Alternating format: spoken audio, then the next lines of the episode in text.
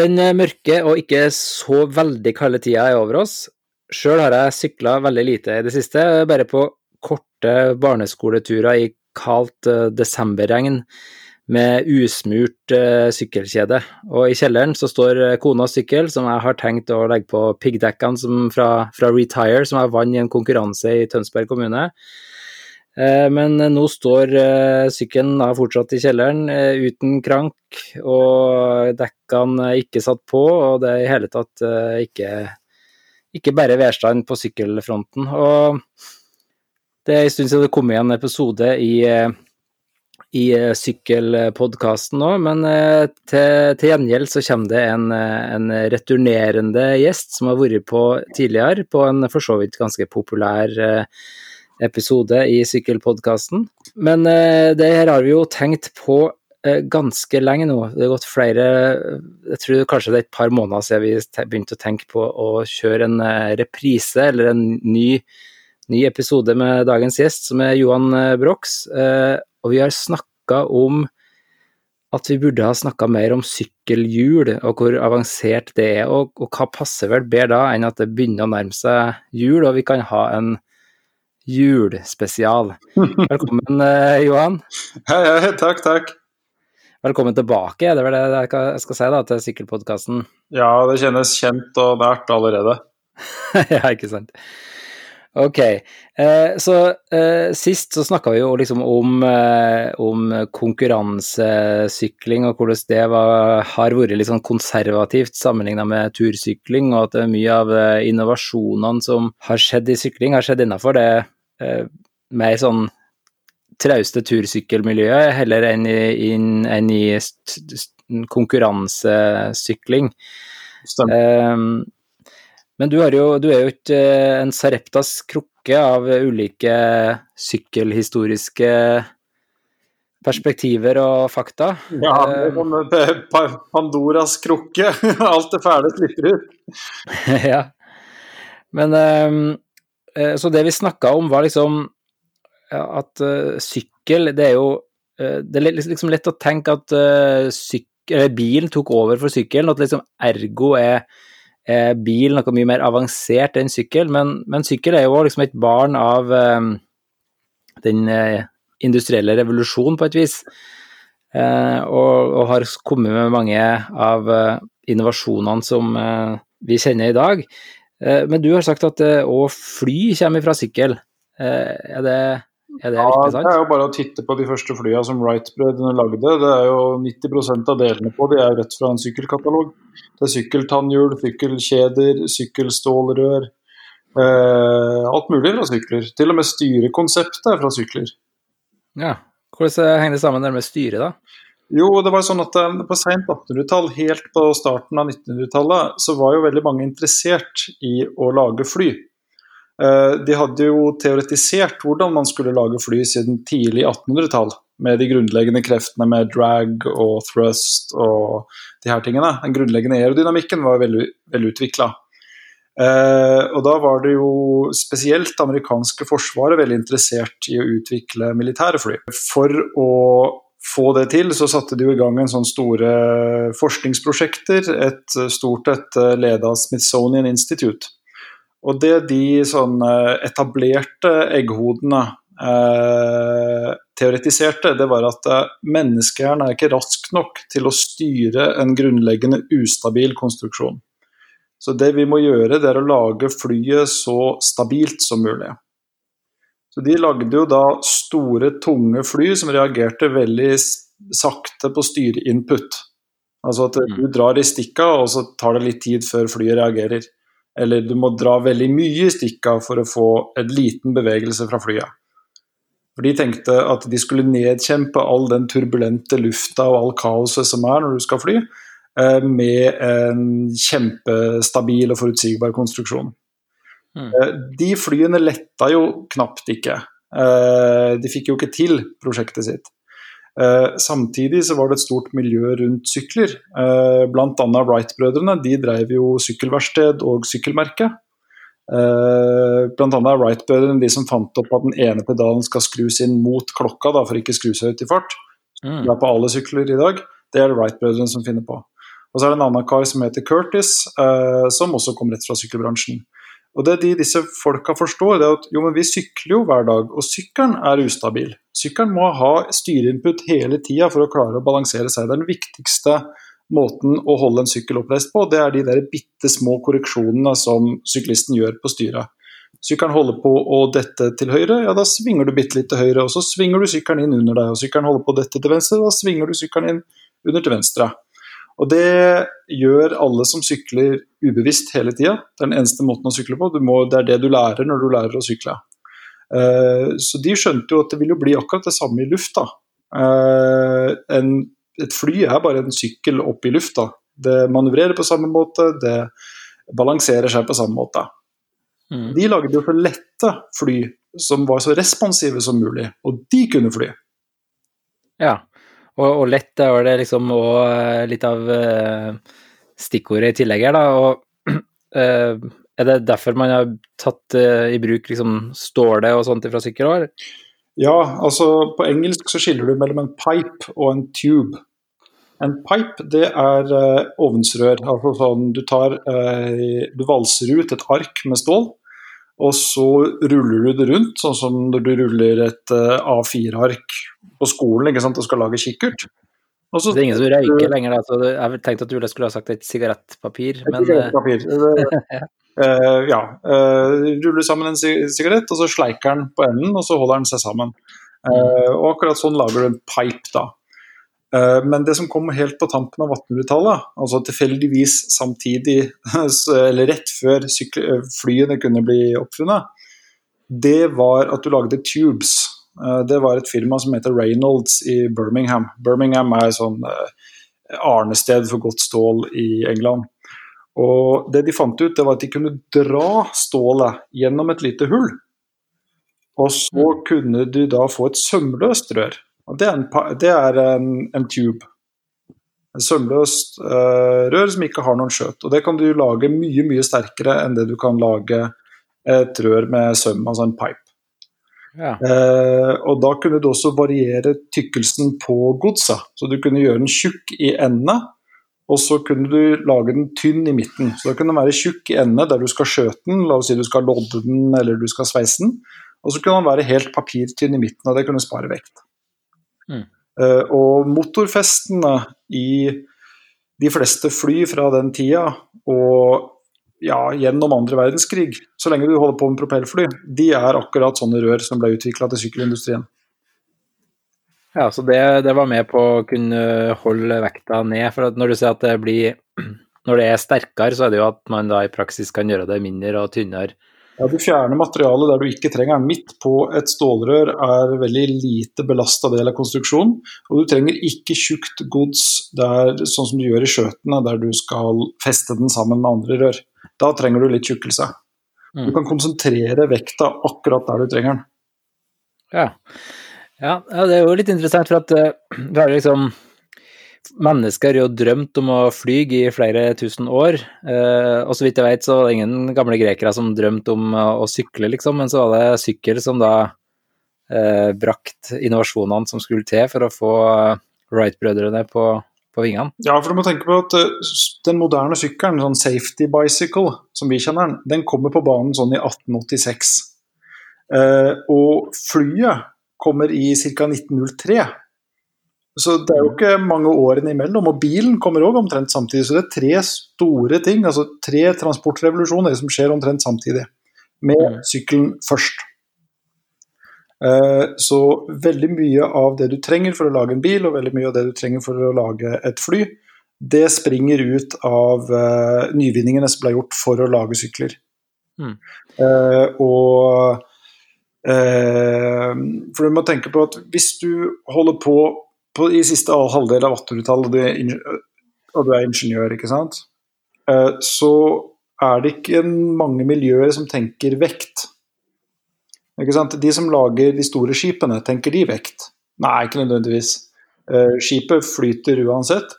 Uh, og, og, fortrenger så mye vann som volumet tilsvarer, så det kommer til å ha oppdrift. Tenker jernbaneingeniørene, tenker de vekt? ikke i kjempestor grad. Eh, men sykkelmiljøet de er nådeløse på vekt hele tida. For på et tog så er det sånn at hvis du skal dra flere vogner og mer gods og flere passasjerer, ja, da kan du slenge på et større og tyngre lokomotiv da, med en større kjele og dermed flere hestekrefter.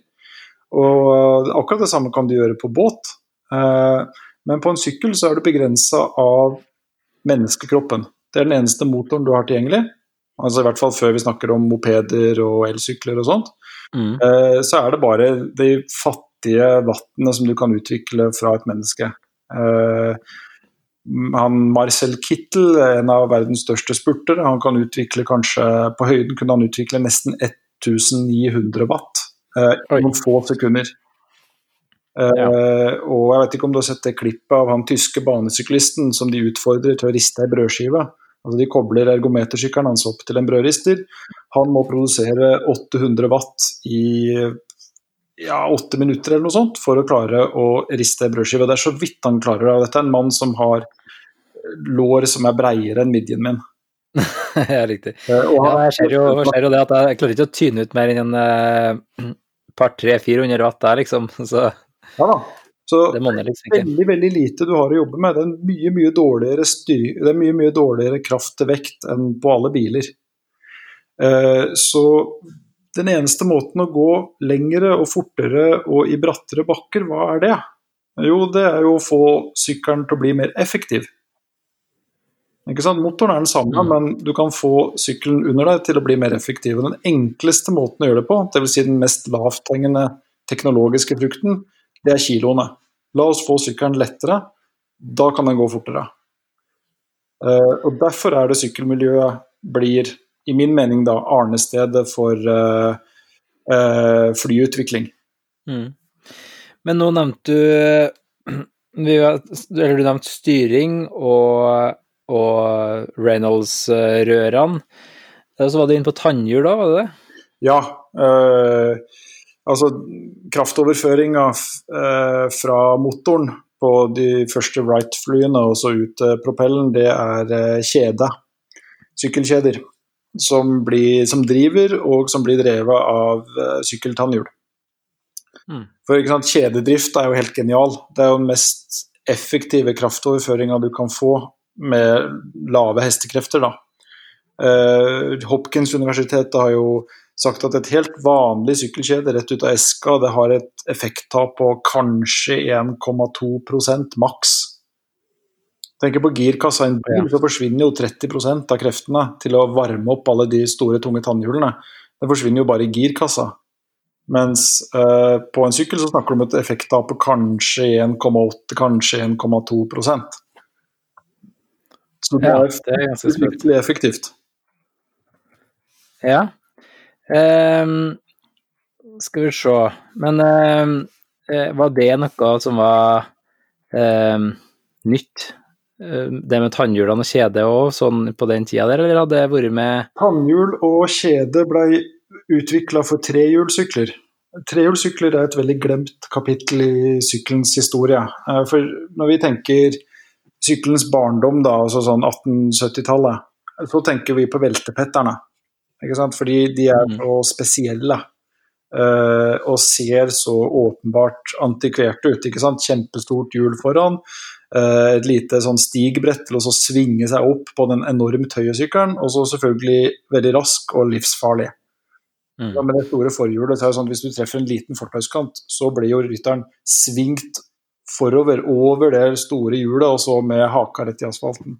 Så de som sykla på sånne veltepettere, det var typisk unge, atletiske macho-menn. Det var de som drev på med det.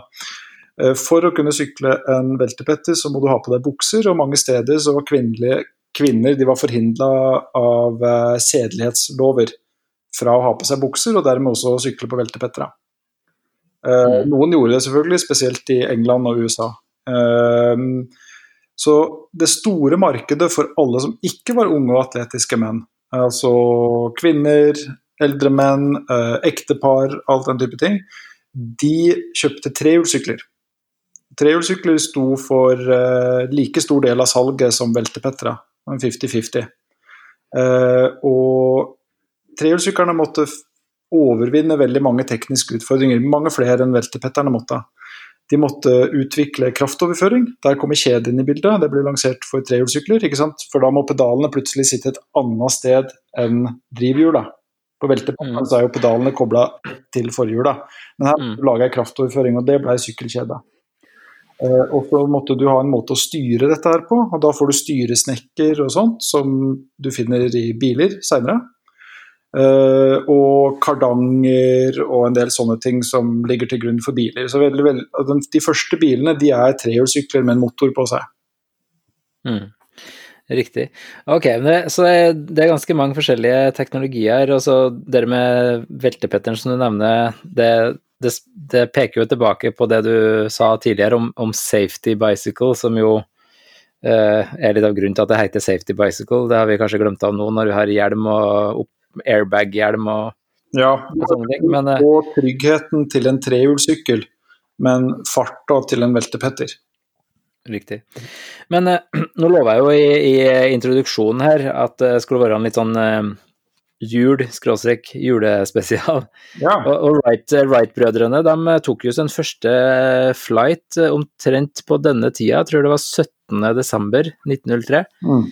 Så da er jo det litt sånn julestemning eh, der òg, men, men, eh, du har, du har trukket fram eh, at hjul, sykkelhjul med eiker sånn som vi kjenner dem, det, det er liksom litt sånn out of this world? Ja, jeg syns sykkelhjul er noe av det mest fascinerende. På de sykkelverkstedene hvor jeg jobba, så har jeg vært hjulbyggeren.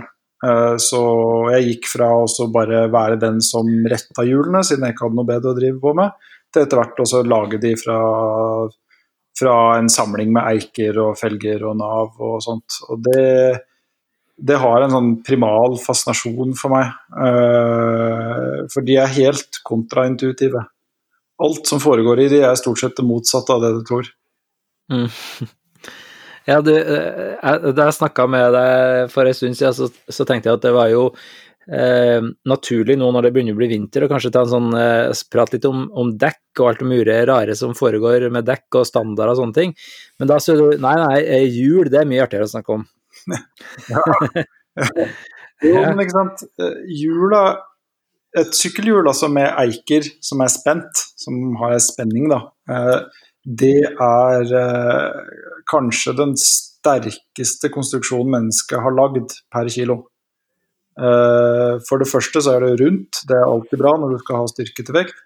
Men så er det så vanvittig sterkt og så vanvittig stivt takka være de tynne ståleikene eh, at eh, jeg syns det er nesten like viktig som da summererne fant opp det originale hjulet, på en måte. ja, riktig. For at det, det er jo jeg, jeg, tror du nevnte liksom at det, det, det, som er litt sånn counterintuitive, er at man tenker at hjulet står på felgene, men egentlig så Nei, står på eikene, men egentlig så henger det på eikene. Hva, hva ja, det er velkomment. Altså, før så trodde de at sykkelen hang på de øverste eikene. ikke sant? For Vi ser for oss et sykkelhjul, det har et nav i midten, og så har det en felg rundt som dekket sitter på, og så er nav og felg da forbundet med en masse tynne ståltråder, da, altså eikene. Eh, eldre folk kaller dem for spiler. Uh, og før så trodde de da at ok, det er noen eiker som peker oppover når sykkelen står stille, eller hvis du tar bilde av en sykkel i fart, et sånt moment frozen in time, så er det noen eiker som da går fra navet og så opp til felgen. Og Da er det jo lett å tenke at ah, men da henger vekta av sykkelen på de eikene som går oppover, da.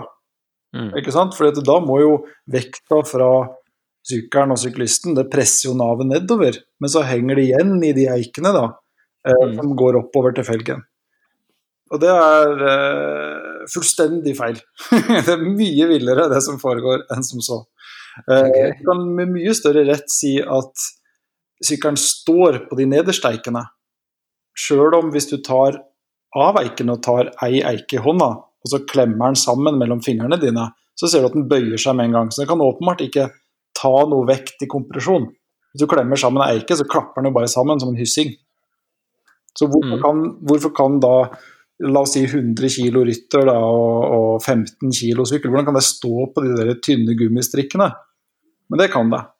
Uh, du, hvis du tar f.eks. gamle kjerrehjul, ikke sant. Uh, de har jo treeiker. Mm. Det er jo sånn trefelg, og så er det tre nav, og så er det treplanker da, som går utover uh, langs radius ut til felgen. Og de er jo massive. Og hvis du måler spenninga på en sånn treeike, så vil du se at de nederste eikene, de som står mellom navet da og bakken, eh, de trykker seg sammen. De blir bitte litt kortere. Jo mer mm. vekt du slenger opp på vogna, eller jo mer vekt du slenger på hjulet, så blir de nederste eikene de trykker seg litt mer og mer sammen. Litt som et, hvis du hadde kasta en ambolt oppå et trekkspill. Mm. Eh, og det som foregår i sykkelhjulet, det er akkurat det samme, egentlig. Det er bare at det, i stedet for at du har en massiv eike som er strukket til null kilo, så har du ei tynn eike som er strukket til kanskje 100 kilo. Altså du har dratt mm. den langt, så langt som det går, og spent den opp med masse kilos press i strekk. Og når du da slenger på la oss si 50 kilo på topp, ja da er spennet grovt sagt da i den eika, det går fra å være 100 kilo til å bli 50. Altså Den strekkes med en kraft på 100 kg bare av å være lagd i hjula. Og så mm. legger du 50 kg på den, da reduseres det spennet til 50 kg. Men det betyr at hvis du strammer mindre, da, eller sånn Nå er det jo på en måte, nå ser du kilo, da, men det er jo kanskje Newton som er riktig betegnelse? Ja, du pleier å si KGF, da, kilograms force. Uh, ja. Når vi bygger hjul, så pleier jeg å operere med kilo, men du kan like gjerne si Newton. Newton er bare et mål på kraft. Ja, Men betyr det at liksom, hvis du er for tung, så, så kan man liksom regne, regne, ut direkte når eh, eikene bare kollapser under deg, da, eller? Ja, i prinsippet så kan du det. Eh, og så er jo konstruksjonen avansert i den grad at det er jo ikke bare ei eike eller to eiker som alt står og faller på. Altså, det er jo da i et vanlig sykkelhjul 32 eiker som alle drar felgen mot sentrum. Mm. Når jeg bygger hjul, så pleier jeg å bygge hjula til la oss si 120 kilos krafta per eike. Og det betyr jo at uh, krafta som drar innover mot sentrum og prøver å få det her hjulet til å implodere, den er jo mange tonn. Mm. Det, er jo, det, er jo, 120 kilo press på hver eike ganger 32. Mm. Og det er vel det som er litt sånn ut, gjør at det, det er litt sånn uh, art form å bygge bygge hjul? Fordi ja. man uh... Altså Det er artform i den grad at La oss si altså, du, kan, du kan si at uh, før fotografiet blir oppfunnet, så er malerne de er snekkere med, med malingskoster. Altså De er frilansere som gjør en jobb. Ja. Mens etter fotografiet kommer, så er jo de da de her malerne er jo avleggs fra et teknisk perspektiv. Vi kan jo få mye bedre bilder bare ved å peke og klikke. Så da blir maling da mer, i mine øyne, en kunstform hvor du får eksentriske malere og syrete motiver og den type ting. Men før det så gjør de primært sett en jobb, og sånn er det med hjulbygger òg. Før så var alle hjul bygget for hånd av et menneske som sto og satte inn eiker og stramma opp eiker og justerte spenn og balanserte det og alt det der. Men nå blir jo stort sett alle hjul du finner i butikken og på sykler, de blir bygd av maskiner. Måler alt dette her med lasere. Eh, og så har hjulbyggerne da blitt en sånn sorte magikere som er kunstnere og, og, har en sånn spesiell filosofisk innsikt i alt dette. Men sånn tenker ikke jeg på meg sjøl når jeg bygger hjul. Jeg tenker at jeg er en snekker som skal prøve å lage tak som ser fint ut. Ok. Det, jeg mener jo at jeg var ikke klar over at, at vi har maskiner som bygger, bygger hjul. Jeg tenkte at det, det satt en eller annen underbetalt uh, asiat og og monterte forhånd? Ja, de aller, aller dyreste hjulene sitter det noen og lager. Um, altså Maskinen kom allerede på 70-tallet. Mm. Uh, og blei ja, Jeg anslår at de begynte å dominere markedet kanskje på 90-tallet en gang. Men uh, de har problemer, uh, fordi de enkleste maskinene, som de enkleste hjulene da er bygd med, de, de klarer å få hjulet rundt. Dvs. Si at de ikke holder, hopper opp og ned. Og de klarer å få hjulet rett, dvs. Si at ikke felgen slenger seg sidelengs. ikke sant? Mm. Men de klarer ikke å gjøre de to tingene samtidig som de fordeler spennet jevnt mellom eikene. Mm. De bruker bare lasere for å se hvor avviket er sidelengs, hvor avviket er opp og ned, og så strammer de og slakker tre og tre eiker for å få det rettere, da. Eh, men det er jo ikke bare det du gjør når du skal lage et hjul, du skal jo òg vurdere ja, men skal jeg stramme eika som drar felgen mot høyre, eller skal jeg slakke eika som drar felgen mot venstre? Fordi eikene mm. går jo annenhver opp på høyre og venstre side av navet. Og de går jo ikke rett ned til navet, de går jo skrått utover. Så det å stramme eika på den ene sida gir jo akkurat samme effekt sidelengs som å slakke eika på den motsatte sida. Mm. Men det er jo der hjulbyggeren kommer inn og så plukker på eikene. Jeg plukker på dem med neglene, for da hører du sånn bing. Mm, som en pianostemme, liksom? Ja, pjong. Det lager en tone, det er jo akkurat som en gitarstreng. Uh, og hvor Altså, ut ifra tonen det lager, så hører jeg da om uh, er denne eika for stram, eller er den for slakk. Hvis jeg bygger et hjul og alle sier ding, ding, ding, ding, og så kommer et eike som sier dumf, da vet jeg at mm. den må strammes opp. Sjøl om hjulet er rett, sjøl om hjulet er rundt, så er det nå nesten null kilo spenn på den eika. Mm. Og det, det, merker jeg når jeg tar en helt ny hybrid som noen har kjøpt, og så plukker på eiken i den, så vil jeg høre at noen eiker sier dumf, og andre sier ping. Ja. Uh, jeg vet ikke om den ping-lyden kommer igjennom på mikrofonen men jeg sier jo, jeg tror det. Og det betyr jo da at eh, de, La oss si det er 20 eiker som sier dumf, og 10 eiker som sier ping. Så betyr jo det at all vekta ligger på de ti eikene som det faktisk er spenn i. Mm. Dette hjulet kommer til å bli skeivt fort. Ikke sant? Fordi alle kreftene opp og ned og sidelengs de blir bare tatt av en brøkdel av eikene som er her. Flesteparten av eikene dette hjulet er nesten ubrukelige. For de gjør ikke sin del av jobben.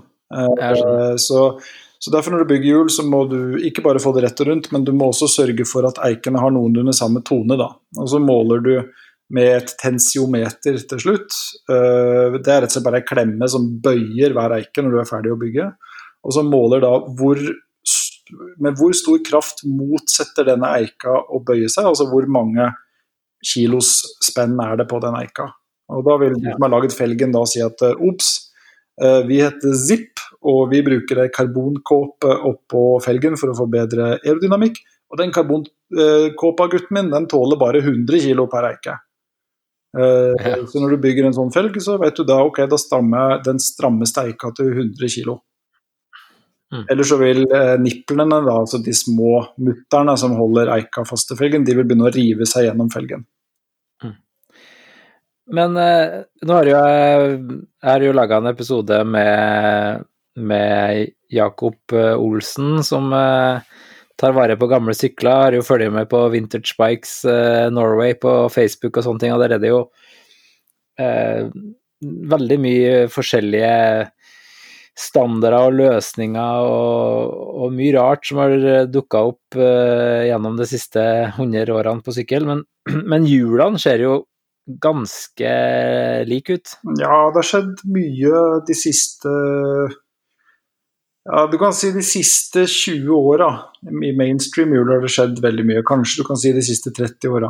Uh, ja, Det er ikke de interessert i på det? Nei, nei, men de, altså, de aller aller første sykkelhjulene, da snakker vi veltepetter, altså 1870-tallet, ja. de hadde radiale eiker. Dvs. Si at eikene gikk i rett linje fra navet og så rett opp til felgen. Og de krysser Ja, Mer som et sånn kjerrehjulaktig, da. Ja, ikke sant. De, de, de prøvde jo bare å replisere et kjerrehjul. Altså Når vi snakker om fly, så ble jo det her eikehjulet, da, de sykkelhjulene som vi snakker om, de ble jo utvikla til glidefly i 1808. Så det er jo et tilfelle hvor noe kom fra fly til sykkel. Eh, og da prøvde de bare å lage et eh, kjerrehjul eh, bare med metalleiker som var spent opp istedenfor massive treeiker. Og de går rett ut fra sentrum, rett ut eh, helt radialt, og de kalles jo da radiale eiker. Eh, problemet med de eikene det er at de kan ikke de kan ikke ta dreiemoment. Du kan ikke, du kan ikke akselerere navet, og så skal navet dra med seg felgen. Ja, Da klapper det sammen? Da klapper det sammen. For det som skjer da, det er at eh, hvis du har da et sånt nav kobla til et tannhjul, som så er kobla til et kjede til kranken, altså på godt gammeldags norsk eh, trøa der du trør, så prøver navet først å vri seg. Og så blir eikene tangentiale, dvs. Si at de går ut med fra en vinkel da, mm. eh, fra navflensa. Og så prøver den å dra felgen etter seg, litt sånn som hvis du tar noe tungt da, i et tau, og så prøver å dra det over skuldra di. Eh, mm. Så det som skjer når du trør rundt på en sånn sykkel, det er at navet driver og vrir seg hele tida i sentrum, før felgen begynner å reagere. Og det skaper et enorm materialtretthet på de eikene. Altså de varierer fra å gå til kanskje 200 kilos spenn til å gå til 0 kilos spenn når du bremser. Eh, eller slutter å trø, da. Eh, så de eikene de ryker veldig fort.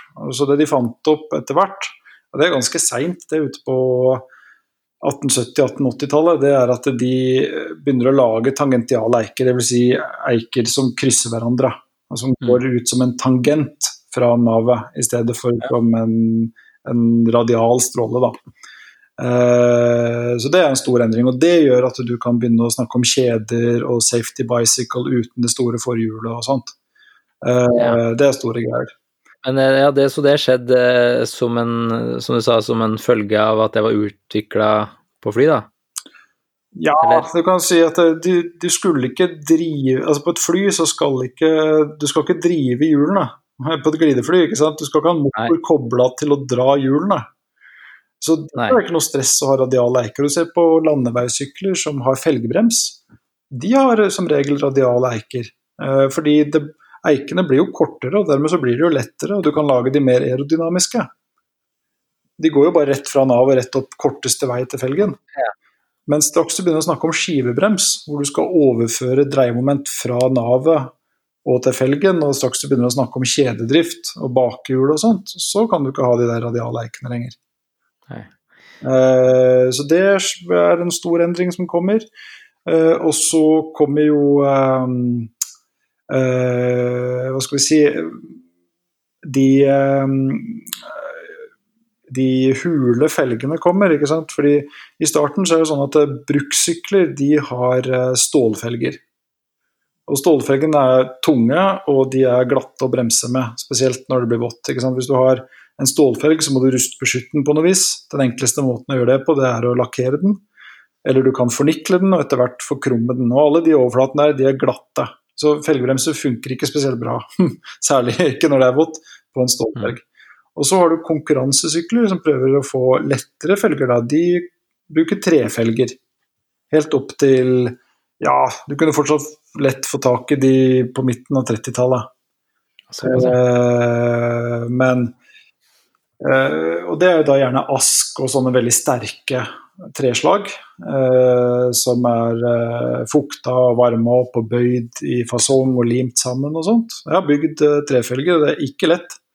De er veldig mjuke og responderer veldig fort når du driver og strammer og slakker eikene. Eh, men så kommer den store revolusjonen, og det er aluminiumsfelgene. Og det er to firmaer som finner det opp omtrent samtidig. Uh, det er Mavic i Italia, og så er det Fiam i Italia. Uh, Mavic i Frankrike, og så er det Fiam i Italia. Og det de gjør, da, det er at de lager felgen akkurat sånn som disse her Reynolds-smartingene lagde, lagde stålrør. Altså de Istedenfor å bare lage ei flat plate som du valser rundt, da. For stålfelgene de har bare én bunn. Mm. Så kan du eh, presse aluminium gjennom eh, åpninger, og dermed lage en sømløs hul ring, som da er som en boks. I, hvis du kapper den i to, så ser du da en boksstruktur. Den er jo mye mye sterkere enn det en flat plate er. ikke sant? Det er mye vanskeligere, og det er mye stivere. Mye vanskeligere å bøye en boks enn å bøye en, et ark. Uh, og det skjer tidlig på 30-tallet. Og de ble jo standardvare innenfor racersykler i løpet av et år eller to. Uh, og etter hvert så blir det trickle down på helt vanlige hverdagssykler. Til og med altså, hverdags-DBS-er fra 50-tallet vil jo da ha aluminiumsfelger. Mm, og det var vel, har vel vært standard eh, fram til man begynner å få litt sånn karbonting og sånn, eller? Ja. Eh, på dyrere sykler nå, mountainbike og på landevei og sånt, så har du karbonfiber. Eneste Eneste grunnen til at du vil ha karbonfiber i et hjul, det er fordi at du vil ha høyere profil. Jeg tenker Konkurransehjula de hadde på 70-80-tallet, de var lettere enn de fleste eh, altså De konkurransefelgene de hadde på 70-80-tallet, de var lettere enn konkurransefelger er i dag. Mm. En god karbonfiberfelg i dag, den veier nesten 400 gram. Mens en proff, lett sånn tempofelg på 80-tallet, den kunne veie 280 gram. Ja. Eh, og noen av de felgene de drev og brukte på bane og sånt på 30-40-tallet, de heter Schieren Weltmeister. De veide under 200 gram, 180 og 190 gram og sånt.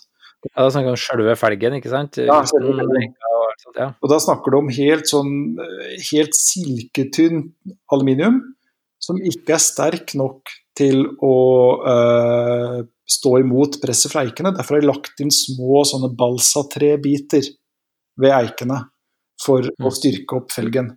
Det var lette saker, det.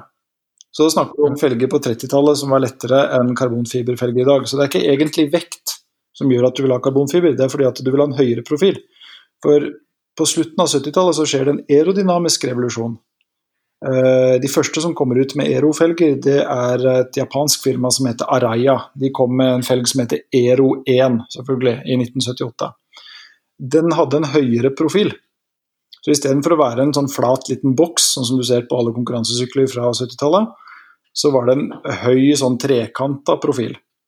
Eh, fordi det de hadde skjønt i vindtunneler og sånt, er jo at eh, når motvinden kommer, eller bare vanlig luftmotstand kommer på fronten av hjula, så skal det rundt dekket, og så skal lufta videre forbi felgen. Og Hvis vi da kan lage den felgen sin form som en flyvinge, så Mm. kan vi unngå å forstyrre luftstrømmen. Da kan vi få en sånn laminar eh, flow rundt den. Så vi kan forme dekket foran og eh, felgen bak som en flyvinge. Og så Mm. når lufta skal forbi øh, eikene og så forbi felgen på andre sida av hjula, så kan den være spiss for å kløyve lufta bedre. Og Det kan du tjene ganske mye på. Til og med hverdagssyklister kan merke forskjellen fra en sånn flat boksfelg som er elendig aerodynamisk, til en aerofelg. Og Det gjør jo da at de fra seint 70-tall og fram de lager stadig høyere profiler på eh, aluminiumshjul. Men hvis du skal ha en høyere profil, så må du ha mer og mer materiale. Altså, du må jo ha mer og mer aluminium til å lage felgen, så den blir jo tyngre og tyngre. Mm. Så Det pleide å være den etablerte sannheten da, at en aerosykkel som skal brukes i temporitt f.eks., hvor du ikke kan ligge i en mølje med andre syklister, du er bare deg alene mot klokka over 90-stansa, da betyr luftmotstand mer enn vekt. Så da kan vi ha en veldig tung aerodynamisk sykkel. Eh, Det har ikke så mye å si, vi skal ikke opp store bakker og plutselig spurte av gårde og sånt, vi skal bare holde en jevn fart mot Mm. luftmotstand. Eh, Det som er den store fordelen når karbonfiber kommer på banen, det er jo at eh, du kan få i pose og sekk, du kan få den høye profilen. Men siden materialet vi bruker til å lage den med, eh, er så mye lettere, så kan vi da få lav vekt og god aerodynamikk. Og Derfor så ser du at alle landeveis, proffe landeveisfelger nå, hva er de? Jo, de har karbonfiber, og de har høy profil. Mm. Mange sånne helt vanlige eiendomsmeglere sykler nå rundt på 50 mm høye karbonfiberhjul. Ja, riktig. 4000 kroner. Spesifikt eiendomsmeglerhjul.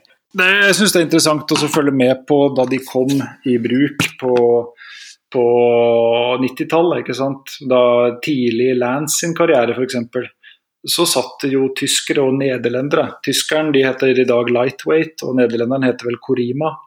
Eh, De satt i kjellere og lagde hjulsett til disse folka én for én. Og det var Formel 1-teknologi, så etter ett løp så måtte du kaste hjulet, for da begynte det å gå i oppløsning.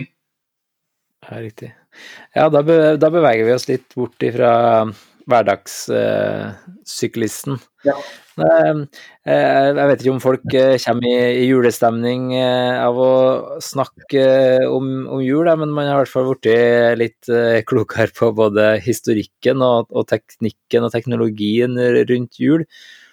Men eh, nå når eh, så mange har sånn transportsykkel og sånne ting, så, så er jo eh, tingen er jo å drive og kjøpe seg juletre med, med sykkel. Har du noen planer om noe sånt sjøl, eller? Nei, jeg er sånn type som syns at sånn jeg, altså, I og med at jeg jobber med sykler, så får jeg jo alltid sånn rødvin med sykkel på og en eller annen belgisk øl med en sykkel på. sånt, og, Eller mansjettknapper med sykkel på og sånt. og jeg setter jo veldig pris på det, men, men man begynner jo å føle seg typecast òg til slutt. Jeg har liksom lyst til å tenke på andre ting enn sykler òg, ikke sant. Eh, det kan bli litt mye. Du skal være normal eh, familiefar som kommer og slenger deg opp på taket på bilen, da, eller? Ja, eller? For nå greier jeg akkurat å lure den gamle Saben min med, gjennom EU-kontrollen, så nå kan jeg jo kjøre litt til, forhåpentligvis. Ja. Men, men ja, nei, kan, vi kan ikke dra noen steder. vet du. Det er jo sånn uh, korona under oppsving. og takka være regjeringa sin liberale holdning til gjestearbeidere. Eh, men eh, Så jeg får ikke sett noe av foreldrene mine eller noe sånt. Vi må bare ha familien her hjemme. Mm. Men det blir juletre? Ja, ja, selvfølgelig. Er du gæren? Ja. Jeg skal, jeg skal, vel prøve å kjøpe uh, juletre med, med, sykkel uh, her i Tønsberg, men det har litt med at jeg bor uh, kanskje 200 meter unna en juletrefarm, jeg vet ikke hva man kaller det, der man dyrker juletre. Det blir plantasje, det da? Ja, det blir kanskje en plantasje. Ja, det er jo, man kan jo kalle det en skog, men den ser jo høyst organisert ut da, i så fall. Mm, men det er i hvert fall i, i sykkelbar distanse, så der skal jeg vel klare å komme meg på mine hjul som sikkert burde vært retta opp og stramma og kjørt over med tensiometer og, og whatnot. Hva slags uh, transportsykkel har du, hvis jeg tør spørre? Nei, jeg har ikke noen transportsykkel. Jeg har en, en normal skrotsykkel og, og vogn. Skal du få med deg juletre på det? Ja da, ja da. Det har jeg gjort før. Det er ikke noe problem. Bare blir litt sånn underlig vektbalanse hvis du hvis juletreet blir litt langt. ja, respekt. ja, det er kort, da. Så det skal nok skal... Einar Bovitz, som drev Den rustne eike sykkelverksted og etter hvert sykkelmuseum, han pleide å fortelle om at eh, da han vokste opp i uh, Oslo, så var det en møbelsnekker som pleide å frakte sofaer på en vanlig sykkel. Ja, såpass, ja. Det går. Ja. Det er mye som eh, går, men det har jo blitt litt eh, lettere med litt fancyere transportsykler. Sånn, det er noe annet enn hjulene dine som ryker først? Det kan hende. Det, det, spørs om det legger litt Det legger jo litt press på ramma òg når, når man laster vogna full av av ting og tang. Det står jo gjerne noe latterlig små eh, vektbegrensninger på sånne vogner, men man skjønner jo kanskje det når man bremser at det blir litt sånn skeiv eh, skeive krefter på sykkelen når, eh, når den armen fra vogna trykker inn på sida når du bremser. Du må, du må passe deg, Benjamin. Det her er sånn typisk overoptimistisk pappafelle. Det er sånn Å, den ferja kan vi rekke, eller nei, det går fint å gå 100 km tur med ungene. Og ja, nei, den togvogna tåler jo mye mer enn det de tør å skrive på og sånn. Det er bare for å vegre seg mot søksmål. Det er sånn typisk overoptimistisk pappautsagn.